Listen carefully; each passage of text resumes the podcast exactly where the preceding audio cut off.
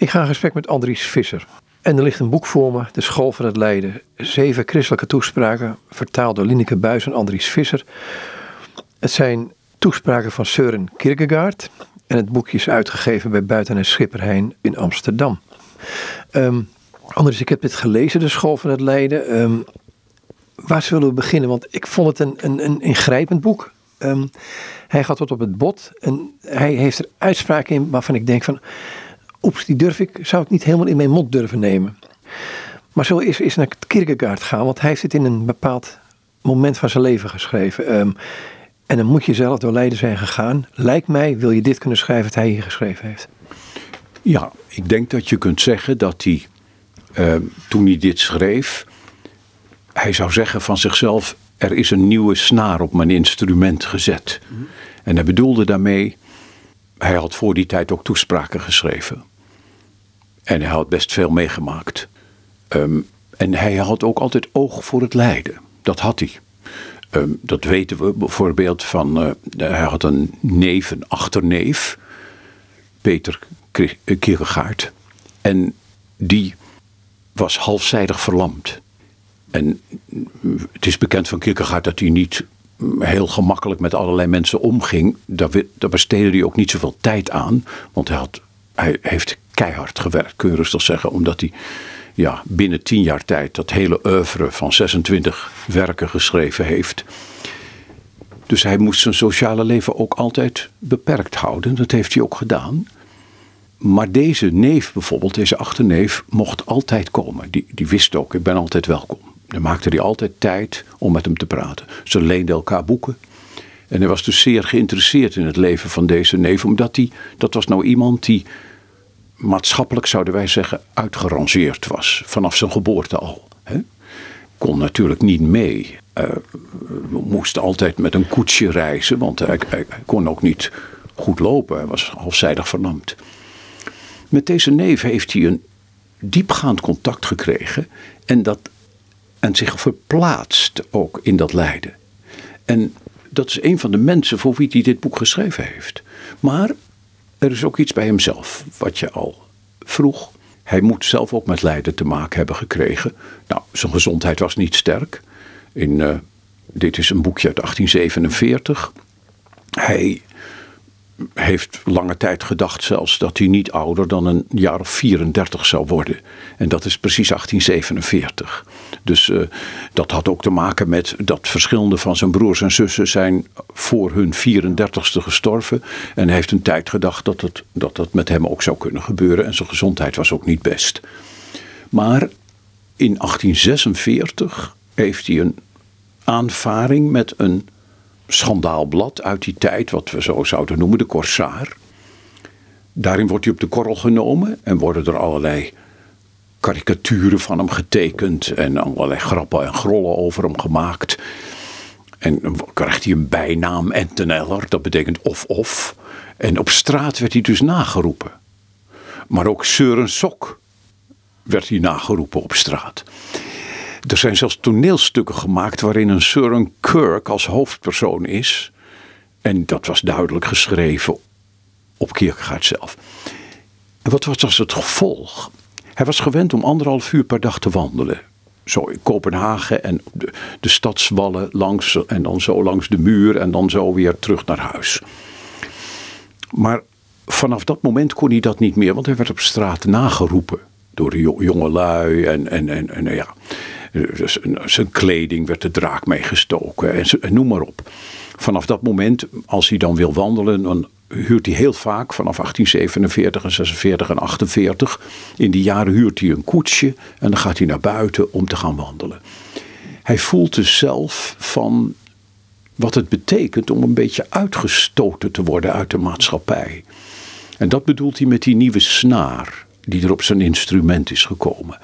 Hij heeft nog meer oog gekregen voor wat het betekent om uitzondering te zijn, om er, om, om er niet bij te horen, om uh, een beetje uh, belachelijk te worden gemaakt. En daar, daardoor is hij in die jaren nog meer van die opbouwende toespraken gaan schrijven. En dan in het bijzonder ook thema's zoals bij dit boekje.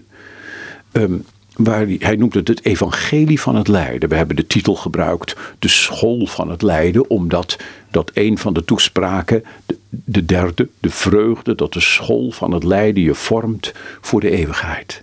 Nou, dan beginnen de wenkbrauwen al te fronsen, hoor ik. Ja, dat, dat begrijp ik. Hè? De vreugde, dat de school van het lijden je vormt voor de eeuwigheid. En natuurlijk, in eerste instantie wil je daar niet aan. Je denkt, lijden, dat wil je helemaal niet. Er is geen mens die het lijden wil. Zou Kierkegaard het ook zeggen. Hè? Hij zegt, lijden, daar zit je niet op te wachten. Alleen, de vraag is, ieder mens wordt in zijn leven met lijden geconfronteerd. Op wat voor manier dan ook. In je eigen leven, het leven van je kinderen, het leven van je ouders, het leven van een vriend. Ehm, m- mensen die eh, eh, eh, een, een, een tragische ontwikkeling meemaken. En dan is het maar de vraag: wat doet dat met je? Wat gebeurt er dan? Hoe ga je met dat lijden om? Ik heb in een van mijn boeken het voorbeeld gegeven. Ik ken iemand die is vanaf haar geboorte gehandicapt. Meervoudig gehandicapt. Woont in een klein aangepast woningje. Rijdt alles in, in een rolstoel. Kan s- een klein beetje voor zichzelf zorgen. Hij heeft ook eh, hulp natuurlijk altijd van buiten. En het is het wonderlijke met deze vrouw. Zij is eigenlijk is er altijd een diepe vreugde in haar. En dat is natuurlijk wonderlijk, want mensen die bij haar komen, die zeggen: Ik kom er altijd blijer vandaan dan dat ik er kom. En dat kan je eigenlijk niet begrijpen, want je denkt: iemand die zo vanaf de geboorte door het leven gekneusd is, die allerlei dingen die mensen heel gewoon vinden, een liefdesrelatie, eh, een baan, en noem maar op, de gewone dingen van het leven, die zijn allemaal aan haar voorbij gegaan, of in ieder geval zeer beperkt. En zo iemand weet anderen op te wekken, weet anderen blij te maken. Er is dus, een, er is dus iets van vertrouwen in, in, in deze persoon, wat je onmiddellijk ontmoet als je er ontmoet. Hoe kan dat, dat iemand zo'n lijden doormaakt en dat dan weet te transformeren? Ja, zegt hij, da- daar gaat het om natuurlijk. Je kunt in je lijden blijven hangen.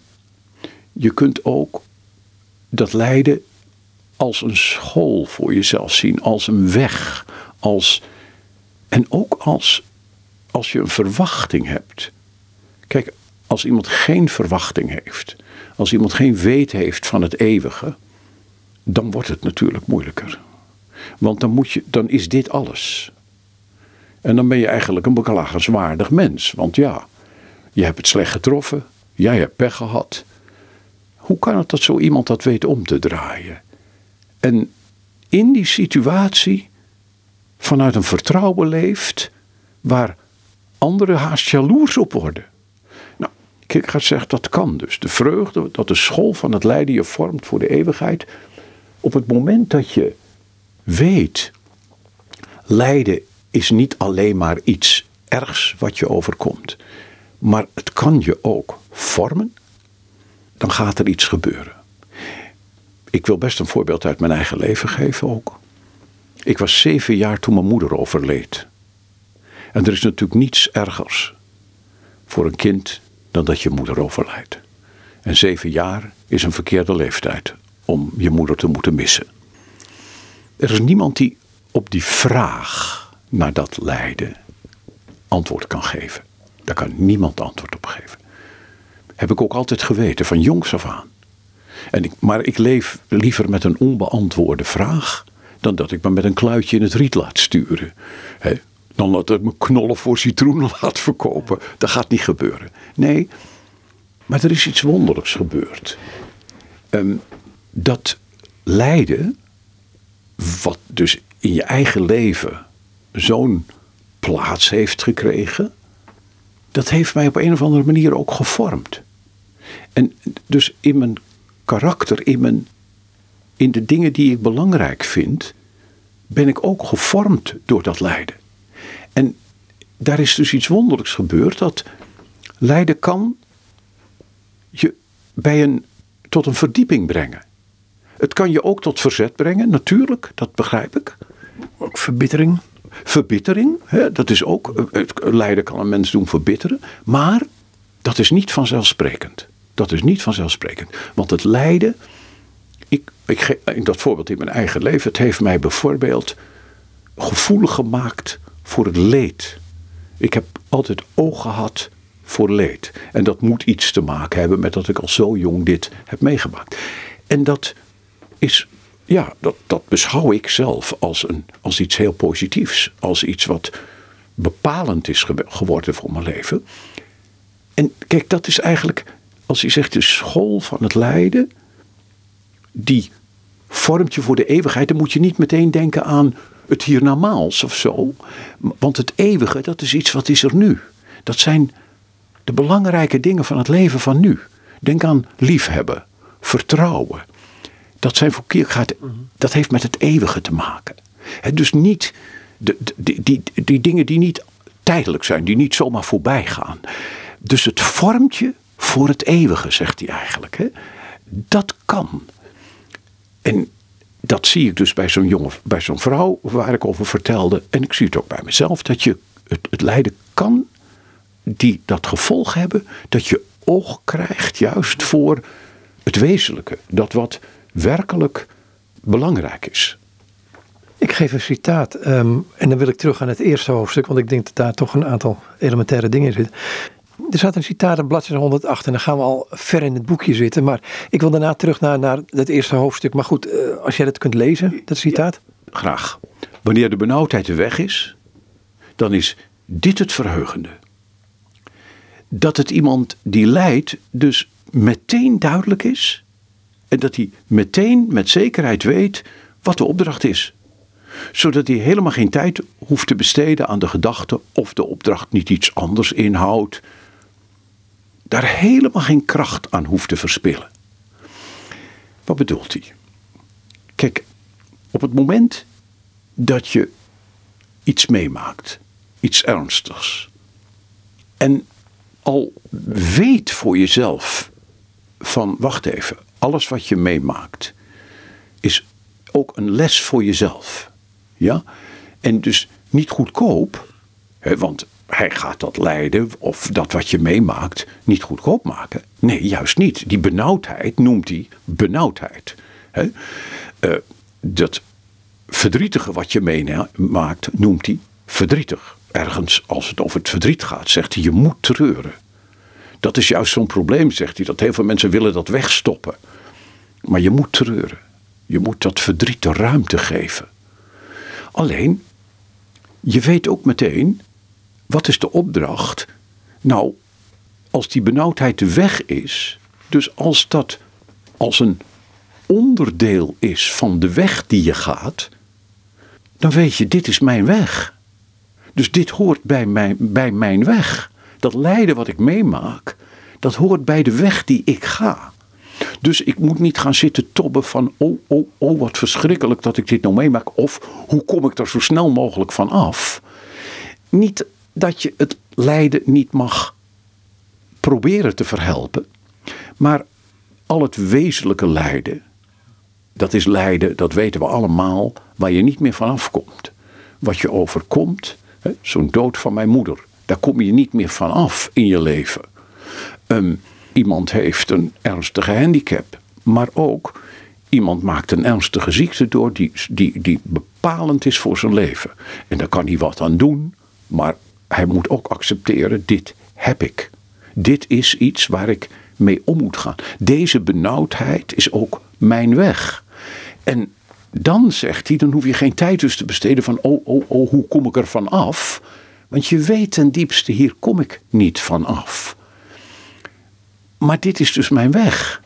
Dit ga ik onder ogen zien en ik ga kijken hoe ga ik hiermee om. Want als dit de weg is, dan wil dit mij ook vormen.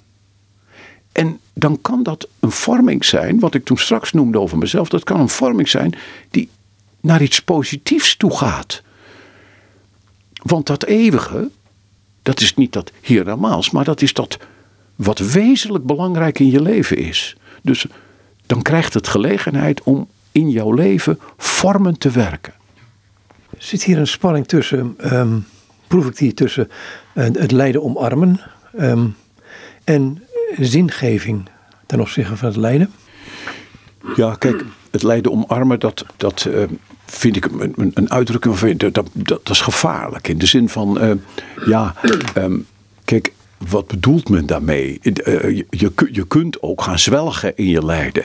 En er zijn zelfs mensen die dus voortdurend over hun ziekte praten en daar anderen mee belasten. Dat is dan precies wat hij niet bedoelt natuurlijk. wat hij bedoelt is dat jij dat lijden accepteert en als jouw weg. En een weg is iets wat je gaat. dus, dus waarvoor je kiest om dat wezenlijk onderdeel van jouw leven te laten zijn.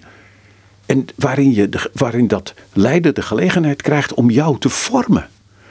En dan te vormen in, in, in de zin van zodat je jezelf bent.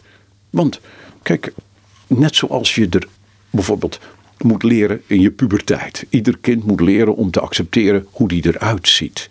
En iedereen weet ook, als puber heb je moeite met je uiterlijk. Je had net even er anders. Net even mooier, net even anders, net even een andere neus. Maar ook net even een andere bouw. En niet zo op je moeder lijken, enzovoort. En wat is volwassen worden? Volwassen worden is die weg om degene die je bent te worden. En ook helemaal daar te zijn zoals je er bent. Met jouw uiterlijk, met jouw hebbelijkheden en onhebbelijkheden. En, en dus je eigen krachten te leren kennen. En daar werkelijk iets goeds mee te doen. Dat is eigenlijk. En dat geldt dus voor het lijden ook. Jij maakt het mee. En dan heeft hij het over het wezenlijke lijden. Dat lijden wat dus onherroepelijk je leven binnenkomt. En dan te weten, dit is mijn weg. Hoef je geen tijd te besteden aan van oh, oh, oh, wat overkomt me nu en, en hoe kom ik hier ooit nog van af enzovoort. Nee, dan kom je veel dichter bij jezelf als je ontdekt, dit is iets van mezelf. Hier ga ik vorm aan geven in mijn leven. Dit gaat iets positiefs uitwerken in mij. Wat Kierkegaard dus zelf heeft meegemaakt. Die vervolging, die, dat belachelijk te worden gemaakt dat heeft hij weten om te draaien in. Dit gaat iets positiefs worden. Dit is een extra snaar op mijn instrument. En daardoor heeft hij over het lijden kunnen schrijven.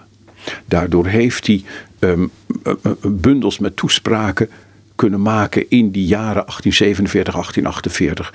Waarvan we zeggen, ja, dat is, dat is van een, een, een, een diepgaand beleven van de dingen die hij meemaakte. En om, om bijvoorbeeld een, een toespraak uit een van de andere bundelen gaat het over lafheid, tegen lafheid. En dan gaat hij nadenken en dan zegt hij ja, eigenlijk zijn we allemaal op bepaalde momenten laf.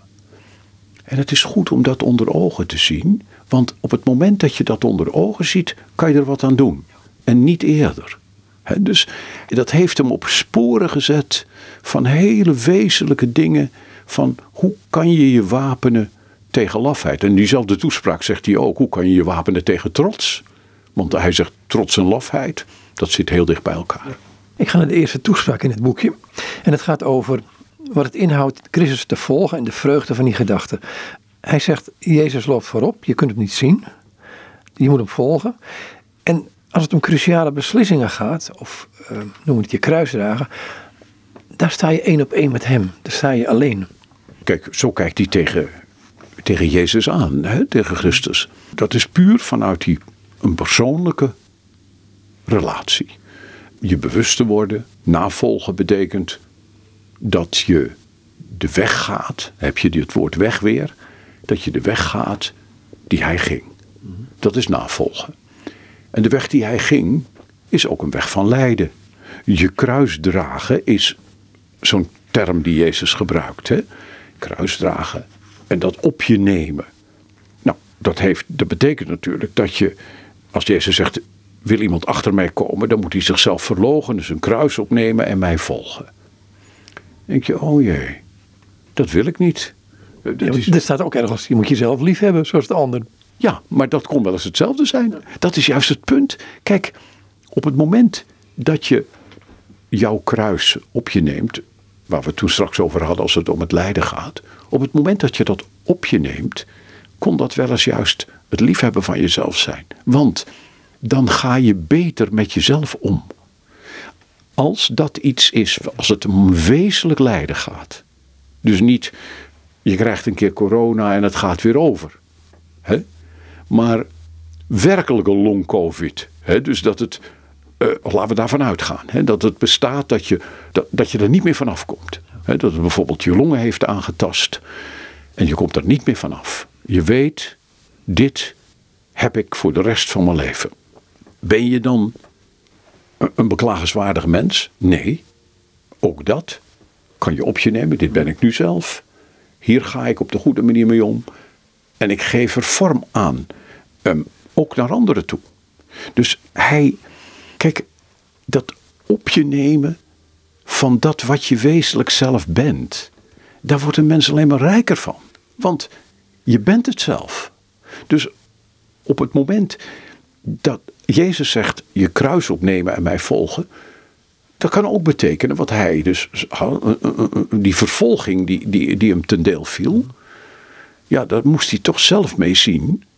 Het uit te houden en daar ook op een goede manier een vervolg aan te geven. Daar zijn die toespraken uitgeboren. Uit het feit dat hij zelf wist: dit wat mij nou overkomt, ik kan, me, kan natuurlijk mezelf beklagen en in het hoek van het zelfbeklag terechtkomen. Of ik kan proberen om daar, eh, van daaruit er vorm aan te geven en te zoeken waar vind ik nou werkelijk medicijn voor dit verdriet, voor dit leed? Waar vind ik werkelijk troost? Uh, wat is werkelijk opbouwend? Waar heb ik werkelijk iets aan? En dan komt hij dus bij die weg te gaan van de navolging van Jezus. Dat blijkt een weg te zijn die niet, niet een zuchtende weg, maar dat is een weg waarin je dat, het leed en de moeite op je neemt en hem volgt. En dan blijkt dat een weg, een, een, rijke weg te zijn. Want dat is een weg van bijvoorbeeld de opdracht om lief te hebben. En dat is een absolute, totale opdracht die je leven beheerst. En wie dat als, als, als weg voor zijn leven kiest in de navolging van Jezus, die heeft niet een armzalige weg. Nee, die heeft een rijke weg. Want er is, gaat niets boven het liefhebben van jezelf en het liefhebben van de ander. Er gaat niets boven. Hoe legt hij dat uit in een hoofdstukje over, um, dat is het volgende hoofdstuk over, daar staat boven, hoe kan de last licht zijn wanneer het lijden zwaar is? Je hebt het al getoucheerd. Want een van de dingen die hij het ook had kunnen doen eh, met het lijden, um, toen hij geschoffeerd werd, is zichzelf verdedigen. Dat heeft hij niet gedaan. Nee, kijk, daar, daarvan wist hij. Dat ga ik niet doen. Dat is de meest menselijke reactie. Dat, kennen we allemaal. Uh, dat haalt niks uit, want je komt in een soort wedstrijd terecht, zal ik maar zeggen. Ik zal niet zeggen een tweestrijd, maar in een wedstrijd. Met mensen die, die dan er nog een schepje bovenop gooien. Dat wist hij. Daar ga ik niet Zelfs als hij uit zo'n koetsje, met zo'n koetsje buiten Kopenhagen ging reizen, dan stapte hij er soms uit. En dan was stel jongelui. En die zagen hem. En die begonnen hem na te roepen. Zelfs ver buiten Kopenhagen. Dus, maar dan wist hij, dan moet ik me gewoon niks van aantrekken. Ik moet gewoon rustig mijn eigen weg wandelen. Dus dat, hoe kan een last licht zijn als het lijden zwaar is? Ja, kijk, op het moment dat het lijden zwaar is, dan is het maar de vraag wat daar tegenover staat. Kijk, als je um, geplaagd wordt door een ziekte, en werkelijk geplaagd wordt, en je weet dan te zoeken naar iets wat jou werkelijk opbouwt. Dus waar je werkelijk wat aan hebt voor jezelf. Die toespraken heten niet voor niks opbouwende toespraak. Hij heeft gezocht naar dat wat je werkelijk opbouwt. Op het moment dat je dat vindt, dan heb je een enorme tegenwicht, zou je kunnen zeggen. Dan krijgt dat lijden niet het overwicht. Want er is een enorm tegenwicht.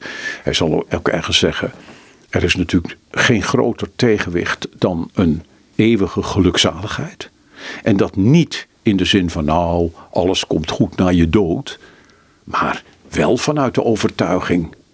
Het eeuwige is het meest belangrijke in een mens. Dus als ik daar aandacht aan besteed, als ik zoek naar wat werkelijk opbouwt, wat mijn leven werkelijk opbouwt, dan heb ik een tegenwicht, een enorm tegenwicht tegenover die last. Dan is het lijden zwaar en toch kan dan die last daarvan lichter worden. Maar die wordt verlicht doordat er iets anders is als een tegenwicht daartegenover. Ja, wat Jezus zegt, en dat citeert hij ook in dit hoofdstuk, mijn juk is licht. Dus die invloed van Christus op jou, eh, of misschien moet ik het anders vragen, wat is dat juk van Christus dan? Ja, mijn juk is ten goede, vertaalt hij. En dat is eigenlijk heel dicht bij de Griekse tekst. Mijn last is licht en mijn juk is ten goede. Dus kijk, op het moment dat je gelooft dat dat juk iets goeds oplevert. Hij zegt dat ook. Geloof dat het juk je iets goeds oplevert. Dat goede juk is het juk van Christus. Maar wat houdt dat juk dan in? Ja, dat kan heel verschillend zijn. Maar alleen het juk waarvan de leidende gelooft dat het ten goede voor hem is, is het juk van Christus. Dus je ziet, er wordt meteen weer het woord geloof, maar dan moet je aan vertrouwen denken. Dus het gaat erom, er overkomt je iets, je ervaart het als een juk, als een last. Maar op het moment dat je gaat vertrouwen, gaat geloven, gaat vertrouwen. Ja, maar dit is ten goede. Dit, dit, alle dingen, zegt Paulus ergens, werken mee ten goede voor hen die God liefhebben. Er staat dus wel een zinnetje achter. Dus je kunt je toeleggen op het God liefhebben. En dan kun je gaan geloven, ook dit zal iets goeds uitwerken. Maar dan niet, weer niet in het hiernamaals, maar in het hier numaals, zou ik zeggen. Hier, hier en nu. Van, ik ben ervan overtuigd dat dit iets goeds gaat uitwerken. Dat juk, dat dat lijden, dat dat mij zo kan vormen dat ik daardoor bijvoorbeeld liefdevoller word. Als dat gebeurt, als een mens werkelijk door het lijden heen liefdevoller wordt, en dat kan, dan is er iets heel positiefs gebeurd. Want dan is er met hemzelf of met haarzelf een verandering heeft er plaatsgevonden, waardoor hij naar anderen liefdevoller wordt. En dus ook naar zichzelf. Want dan gaat hij ook liefdevoller met zichzelf om. Dan wordt hij ook zorgzamer voor zijn eigen lijden. Dan mag er zorg zijn. Dan is er ook ruimte voor verdriet. Want je moet dat lijden niet wegredeneren. Er moet ruimte zijn voor verdriet. Kierkegaard zegt dat in een van zijn toespraken in de bundel over het boek, heeft een boek over de liefde geschreven. Dat weet je waarschijnlijk wel. Dat boek hebben wij vertaald onder de titel Wat de liefde doet. En een van die toespraken eindigt hij dan met: Je moet treuren. Geef nou ruimte aan dat verdriet.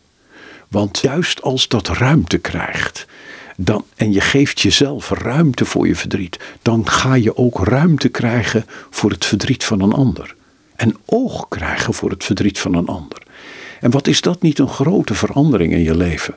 Als je juist doordat je zelf dingen meemaakt, oog krijgt voor het leed van een ander. Dat is een, dat is een omwenteling, niet alleen in je eigen leven, maar ook in je leven naar anderen toe. Het is dus iets wat heel erg in het relationele zit, in het persoonlijke. En het is geen vorm van fatalisme wat je uh, omarmt. Nee, zeker niet. Kijk, fatalisme is het op het moment. Kijk, er is niets in een bepaald opzicht even. Het is niets tegen fatalisme en tragiek. Hè? Denk erom. Ehm, je kunt het rustig, als, als je iets ernstigs overkomt, kun je rustig tragiek noemen. En fataal in de zin van. Wat we toen straks zeiden, het is niet een voorbijgaand lijden. Daar hebben we het niet over. We hebben het over een lijden wat komt en niet meer weggaat. dus het is in die zin fataal. het is een fatum. Het is haast een noodlot. Ja, en toch, als het daarbij zou blijven, als je zegt, ja, ja, het is me overkomen en, en uh, ja, uh, ik weet niet wat ik ermee moet. Ik, word, ik, ik raak erover vertwijfeld, wanhopig. Ja, dat is één kant, dat kan. Maar je kan dus ook bij dat punt terechtkomen, dat hoopt hij, dat je ziet, dat lijden is me overkomen. Het is in die zin fataal. Maar ik kan dat lijden op me nemen. Ik kan dat lijden zien als een weg die mij een leerweg is. Daarom heet, dat hebben we als titel gekozen, de school van het lijden. Het is een leerschool. Maar als het een leerschool is. Kijk, leerschool is bij Kierkegaard iets positiefs. Heeft, het, het, hij zegt het, het is als, als opvoeden. Ieder mens wordt opgevoed. Wordt door God opgevoed.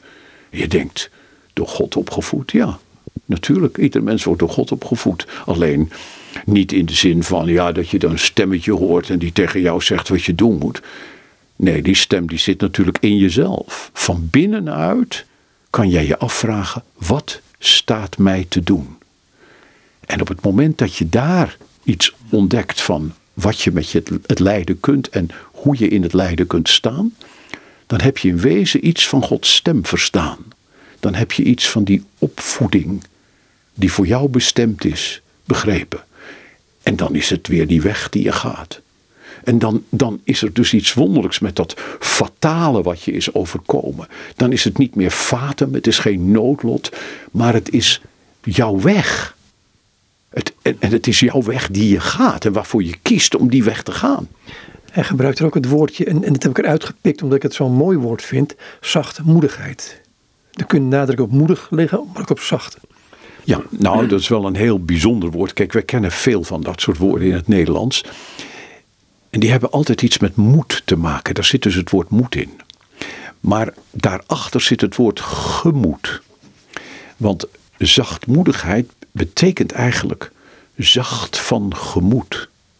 Net als langmoedigheid betekent lang van gemoed. En dat, de meeste mensen weten, is een groot geduld. Langmoedigheid is dus een groot geduld. Lang van gemoed. Blijmoedigheid is blij van gemoed. Nou, zachtmoedigheid. Kijk, dat is ook weer iets. Mensen zeggen wel eens, ja, de, de, de ene mens is veel geduldiger dan de ander. Dat zal waar zijn. Maar werkelijk zachtmoedig, dat is ook een leerschool. Dat is een leerschool. Kom op, dat maak je mij niet wijs dat je dat zomaar bent. Dat is een leerschool. Dat je kunt zacht van gemoed worden. Dat wil zeggen dat je verdraagzaam wordt. Dat je geduld hebt met anderen. Maar ook geduld met jezelf. Dat je niet benauwd bent om, om een leerweg te gaan. En dat je dan ontdekt van ja, ik ben in de loop van de jaren milder geworden. Kijk, dat is iets wat je niet, net als met geduld. Hè, je bent in de loop van de jaren geduldiger geworden. Dat hoop je. Want ieder mens, en de een natuurlijk meer dan de ander, maar ieder mens heeft iets van dat ongeduld, die onrust, ongeduld met een ander. En wat is het niet een voorrecht om in de loop van je leven te ontdekken, ja, ik ben geduldiger geworden, zachtmoediger. Wat Jezus zegt, leer van mij dat ik zachtmoedig ben. Ja, nou ja, dat is dus leer van mij. Je hoort het meteen. Het is, dus ook, het is een leerschool. Ook dat is een leerschool. Nou, als het met school, ik ga even een excurs maken hoor. Nou, is het met school vaak zo dat ehm, eh, je leert daar, maar je bent blij als het pauze is. Ja, dat is ook zo. Maar dat is dan, uh, wat is de pauze? De pauze is dan het moment waarop je tot jezelf komt en waarop je spelen mag en, uh, enzovoort. En dat, dat is weer het aspect van het leven. Maar, maar dat zegt Kierkegaard ook over de weg. Hè? Hij zegt, wij, gaan, wij lopen op de weg, maar iedereen gaat op een andere... De een danst, de ander loopt, de ander gaat gebukt. Ja, hij zal nooit zeggen dat iedereen die op dezelfde manier op die weg gaat. En ook niet dat iedereen dezelfde weg gaat. Nee, juist dat. Want dat wat jou overkomt, is jouw leven, is jouw weg. En dat is dat wat jij op je neemt. En waarin je poogt te komen bij vertrouwen en liefhebben, zodat die weg ook een blijmoedige weg wordt. Daar hebben we het woord blijmoedigheid. Blij van gemoed. Ja. Dat hoofdstuk, en dat citeerde je al eerder, um, de vreugde dat de school van het lijden je vorm voor de eeuwigheid. Hij gebruikt daar het woordje gehoorzaamheid en hij ook de zinsteden van um, Gehoorzaamheid betekent niet anders dan God de dienst uit te laten maken. Nou, dan zeg je nogal wat, denk ik. Nou ja, dat is natuurlijk een groot woord, maar hij gaat daar wel dieper op in. Kijk, dat God de dienst uitmaakt. Waar hebben we het nou de hele tijd over? Dat lijden overkomt je. En op een gegeven moment, ga, als je op, leert accepteren dat dit lijden jouw lijden is. Hè? Lijden dus wat niet ophoudt. Dan ga je zien van dit overkomt mij. Ik weet niet waarom. De dood van mijn moeder. Ik weet niet waarom. Maar het overkomt mij. En zoals de wereldgeschiedenis God niet uit de hand loopt. Dat maak ik persoonlijker. Zo loopt mijn leven God niet uit de hand. Dus ik kom bij een vertrouwen terecht dat dat wat mij overkomen is, dat dat niet buiten God omgaat. Dat hij daarbij betrokken is. Dat die weg die ik ga en die ik gaan moet, dat dat ook iets met God te maken heeft. Dat hij daarop betrokken is, dat hij daarbij betrokken is, dat hij mij lief heeft. En dan zeg je, ja, maar dat lijden, dat, is dat, heeft dat nou met liefde te maken? Wat weet je ervan? Je, als je gelooft dat dat lijden jouw weg is en dat God liefde is, als je die twee dingen gewoon vasthoudt, dan kan je een weg gaan die je niet begrijpt, maar waarvan je wel weet, dit kan mij vormen, dit gaat mij ook vormen. En dat gaat me zodanig vormen dat er iets positiefs uit tevoorschijn komt. Wat ik over die, die vrouw vertelde, die dus daar zo gehandicapt en die dan zo dat leven weet te leven, dat anderen daar verwonderd over staan en denken: hoe kan het dat iemand zo blijmoedig is?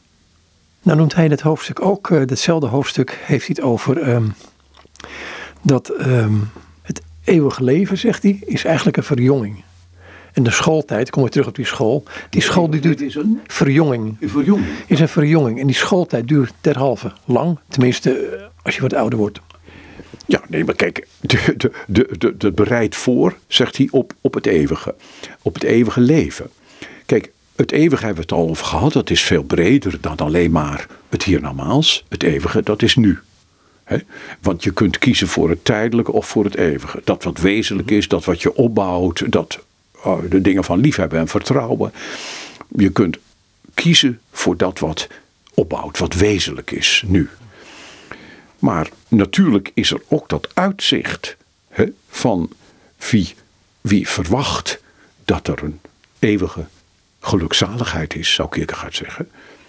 Ja, dat heeft altijd het overwicht. Niet als goedkoop, niet als dooddoener, maar op het moment dat jij weet van het leven is eeuwig.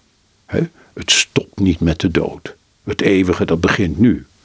Ja, op, op dat moment, als dat werkelijk tot je doordringt. En niet tot een ander, maar in jij, en tot jou doordringt in jouw situatie. Dan gebeurt er iets wonderlijks. Want op dat moment heeft die, dat eeuwige een enorm overwicht.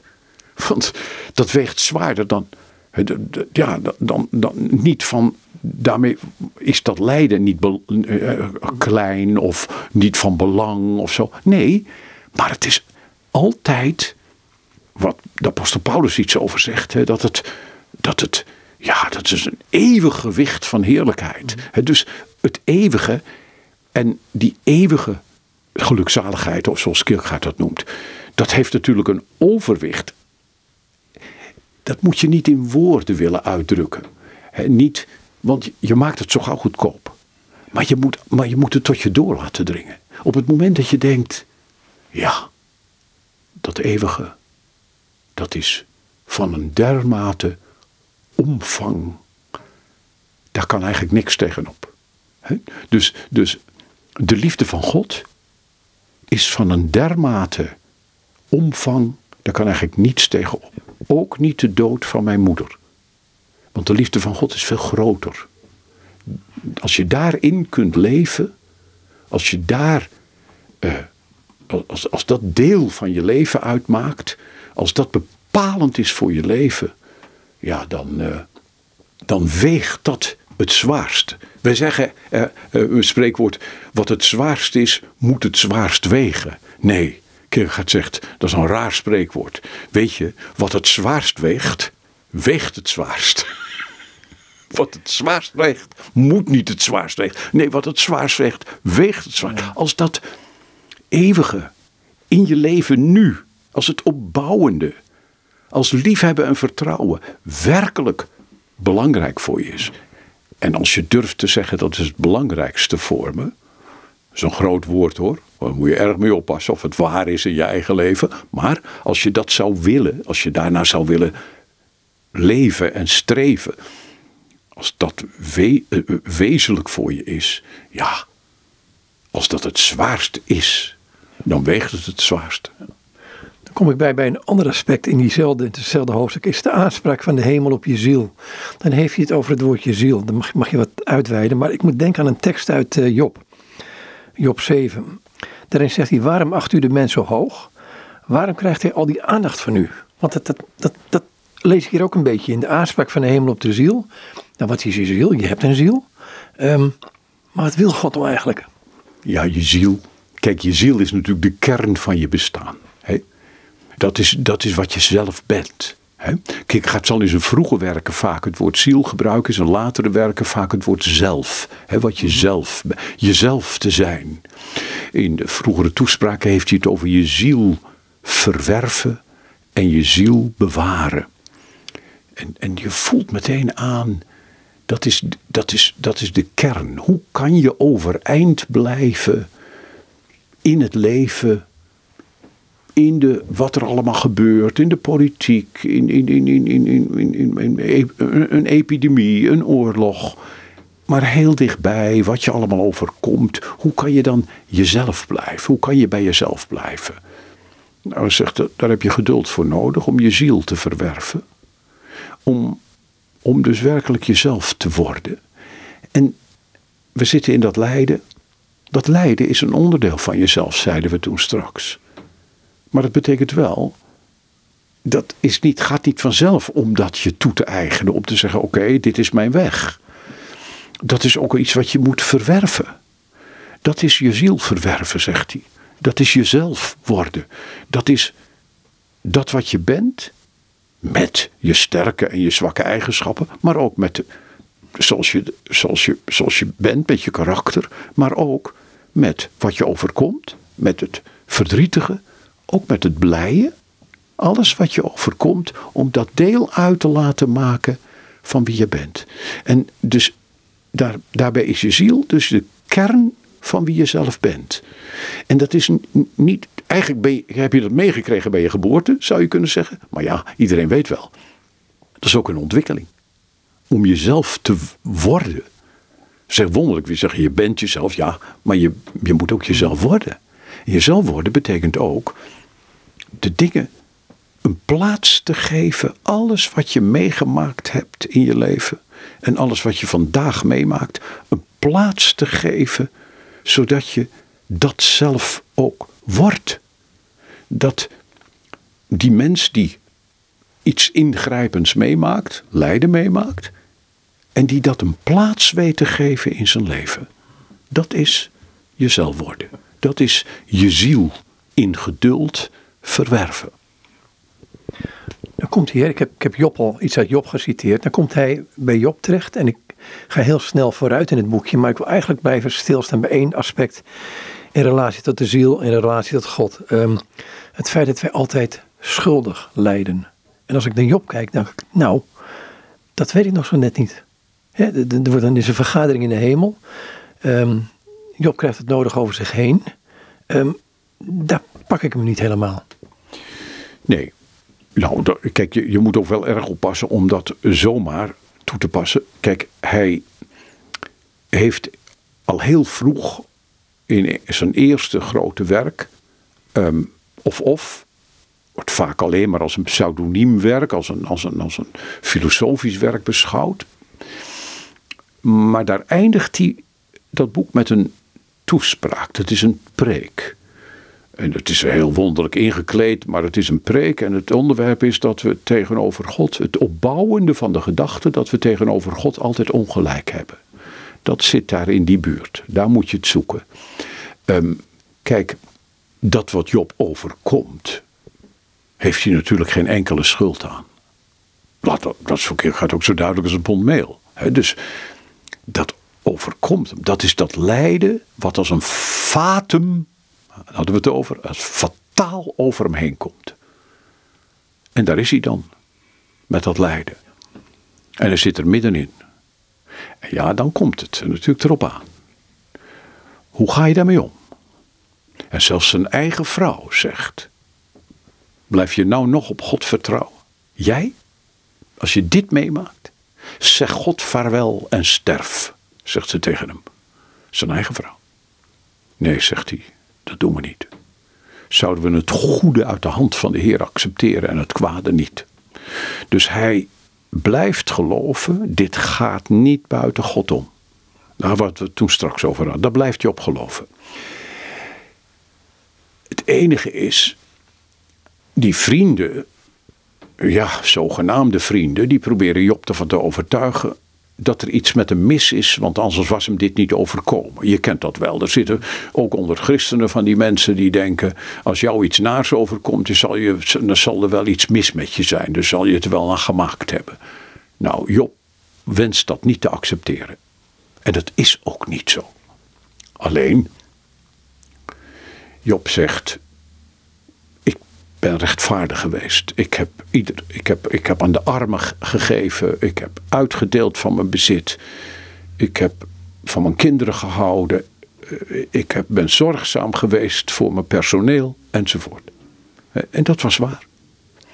Alleen als hij dan aan het eind van het boek tegenover God komt te staan, dan zegt hij: ik, geef, ik leg mijn hand op mijn mond.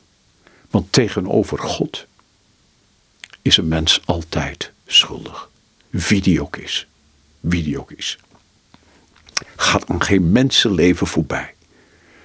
Je te realiseren, daar zit het verschil tussen God en mens. Als je met oog in oog met God zou komen te staan, en bedoel, daar kun je je al niks bij voorstellen, maar dat hoeft ook niet. Maar dan is God heilig en ik niet.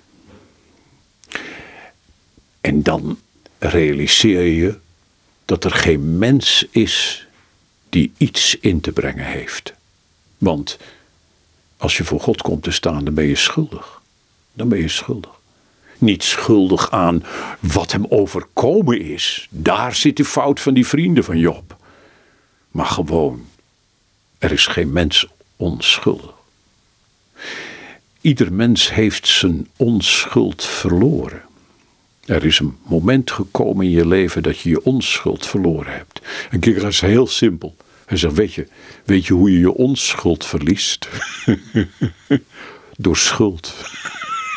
ja, het is heel simpel hè. Weet je hoe je je onschuld verliest? Door schuld. Ja. Er is dus geen mens die tegenover God onschuldig staat. Ieder mens staat tegenover God schuldig. En dat is het wonderlijke. Dat God een mens accepteert. Dat is het wonderlijke dat, dat het is Gods barmhartigheid en Gods liefde. Dat die die schuld niet toerekent aan een mens. Niet wat Job is overkomen, dat is rampzalig. Dat is een ramp. Net als dat ik mijn moeder verlies op mijn zevende. Dat is een ramp. Maar als hij oog in oog met God komt te staan, dan is geen mens onschuldig. En dan besef je, als tegenover een heilig God, besef je dat jij een zondig mens bent. Er is geen uitzondering, niet één. Nee, hij zegt, hij zegt op een gegeven moment in zijn boek ook, ehm, in dit boek ook, um, even de hoofdstukken. Um, besef van schuld bewaart de schat. Dubbele punt, God is liefde. Ja, bewaart de schat. Ja, ja kijk, de, uh, uh, juist dat feit wie dat op dat moment gelooft dat God liefde is, die voelt zich ook geaccepteerd. Die weet ook van besef van schuld. Ja, besef van schuld is natuurlijk heel belangrijk. Want kijk, dat, dat is in, in menselijke relaties al zo. Als jij ten opzichte van je partner onhebbelijk bent geweest, gewoon onaardig. Dan is natuurlijk het eerste wat er moet gebeuren, is dat je je dat realiseert. Dat is besef van schuld. Het is gewoon dat je je realiseert, dat had ik zo niet moeten doen. Heel onnozel en eenvoudig, maar het is vaak heel moeilijk om erbij te komen. Om te komen bij het punt van dat had ik zo niet moeten doen. Dat is het eerste. Dat is besef. En het tweede is, ja, dat is opbiechten, uitspreken. Dat is tegen die ander zeggen, ik had het zo niet moeten doen. dus het zijn eigenlijk, het is eigenlijk, ieder mens weet dit. Alleen, het is vaak in de praktijk heel, helemaal niet eenvoudig. Maar om, te, om, te, om eerst tot besef te komen, dat is het eerste, besef, bewustzijn van dit had ik zo niet moeten doen. En dan de stap om tegen die ander te zeggen, zo had ik het niet moeten doen. Voor een lief ding had ik het liever zo niet gedaan, maar ik heb het wel gedaan. Dat spijt me. Klaar. In een andere vorm is het gebeurd bij die twee dieven aan het kruis. Hè, waarvan de ene, of de ene moordenaar zei tegen Christus van wij leiden terecht. Um, en dat Christus eigenlijk ehm, tegen hem zegt, je bent vandaag zul je in het paradijs zijn, hem vergeeft, die vergeving. Maar dat Christus verder nauwelijks een woord spendeert aan de mensen om het kruis heen. Ja, tegen zijn moeder en Johannes alleen. Maar voor de rest uh, alleen met God in gesprek is. Is dat ook een van die, een van die uh, ja, voorbeeld is het bijna niet om te zeggen, maar um, is het ook een punt waarin je kunt komen in het lijden dat je in wezen alleen met God in gesprek bent over datgene wat er gebeurt? Ja, maar dat kun je meteen leren, want er is natuurlijk wel één woord. Vader, vergeef het hun, want ze weten niet wat ze doen. En dat is natuurlijk een heel diep woord. Vader, vergeef het hun, want ze weten niet wat ze doen. Dus dat is, dat is haast bij voor, op voorhand. Wat daar gebeurt, dat Jezus wordt gekruisigd. En dat hij bidt, Vader, vergeef het hun, want ze weten niet wat ze doen. Kijk, en dan die moordenaar aan de ene kant. Die zegt, wij lijden terecht. Kijk, dus daar is een diepe inzicht in die man, in die ene zin. Wij lijden terecht, maar hij is onschuldig. Dus die heeft gevoeld, er is een enorm verschil tussen hem en mij. Hij lijdt onschuldig, maar wij lijden terecht. Dat is is al heel bijzonder. Iemand die dus weet, kijk, ik hang hier, maar ik weet wat ik gedaan heb. Ik weet dat ik moordenaar ben, zal ik maar zeggen. Dus een overtuiging van eigen schuld. En dan zegt hij, Jezus, denk aan mij als je in je heerlijkheid komt. En dan zegt Jezus, heden zul je met mij in het paradijs zijn. Dus het is het wonderlijke dat er is een inzicht in zijn eigen schuld. En die spreekt hij uit. En er is een inzicht en hier hangt iemand die is werkelijk onschuldig. En dan blijkt er die vergeving te zijn. Het is net als met de overspelige vrouw. Die wordt bij Jezus gebracht en ze brengen er bij, hem en ze zeggen, ze is op overspel betrapt. Die moeten we eigenlijk stenigen hè, volgens de wet. En Jezus weerspreekt het niet. En hij zegt, uh, hij schrijft in het zand, staat er, hij schrijft op de grond. En dan zegt hij, wie, wie van jullie zonder zonde is, laat die de eerste steen werpen. Dat had hij zelf kunnen doen. Dat had hij natuurlijk zelf kunnen doen, precies. Maar hij zegt eerst tegen die omstanders allemaal. En dan druipen ze af, het is wel leuk, te beginnen bij de oudste. Maar die wisten wel hoe laat het was met hun eigen leven. Dus ze druipen allemaal af. En dan zegt Jezus, heeft niemand je veroordeeld? Nee, zegt ze, niemand heeft me veroordeeld. En dan komt het. Dan zegt hij, ook ik veroordeel je niet. Maar er komt nog één ding achteraan. Ga heen, zondig niet weer. Doe dat nou niet weer. Dus hij neemt die overtreding. Hij neemt die zonde serieus, maar er is vergeving. Dat is het wonderlijke. Dan kan ik nog naar één andere figuur bij het kruis gaan. Dat is die hoofdman. Die daar iets ziet gebeuren. Hij heeft waarschijnlijk weet ik hoeveel mensen gekruisigd. Alleen hij ziet bij Jezus iets gebeuren wat hij nog nooit van zijn leven gezien heeft. Hij zegt, ja, dit is, dit is werkelijk de heilige, de, de, de, zoon van God. Ja, nou, dat is natuurlijk dat bijzondere getuigenis wat je zelfs in het Marcus-evangelie... Marcus is heel zuinig met termen als zoon van God. Je vindt het bij de doop van Jezus. Dit is mijn zoon, de geliefde. En je vindt het aan het eind bij die hoofdman. Die hoofdman die ziet wat er gebeurt en die ziet en hij gaf de geest. Ja, die ziet de manier waarop Jezus sterft. En hij zegt: Waarlijk, dit is een godszoon, dit is de zoon van God. Zo zegt hij het. Ja. Ik kan nog verder gaan, maar ik wou het hier voor het moment bij laten. Dus hierbij dank voor dit gesprek. Nou, graag gedaan. En dit is Andries Visser en met hem was ik in gesprek over een aantal aspecten van het lijden, zoals het beschreven staat in het boek De School van het Lijden. Toespraken van Søren Kierkegaard. En het boekje is uitgegeven bij Buiten en Schipperheijn in Amsterdam. En het is een uh, vertaling van Lineke Buis en Andries Visser. En met hem was ik in gesprek.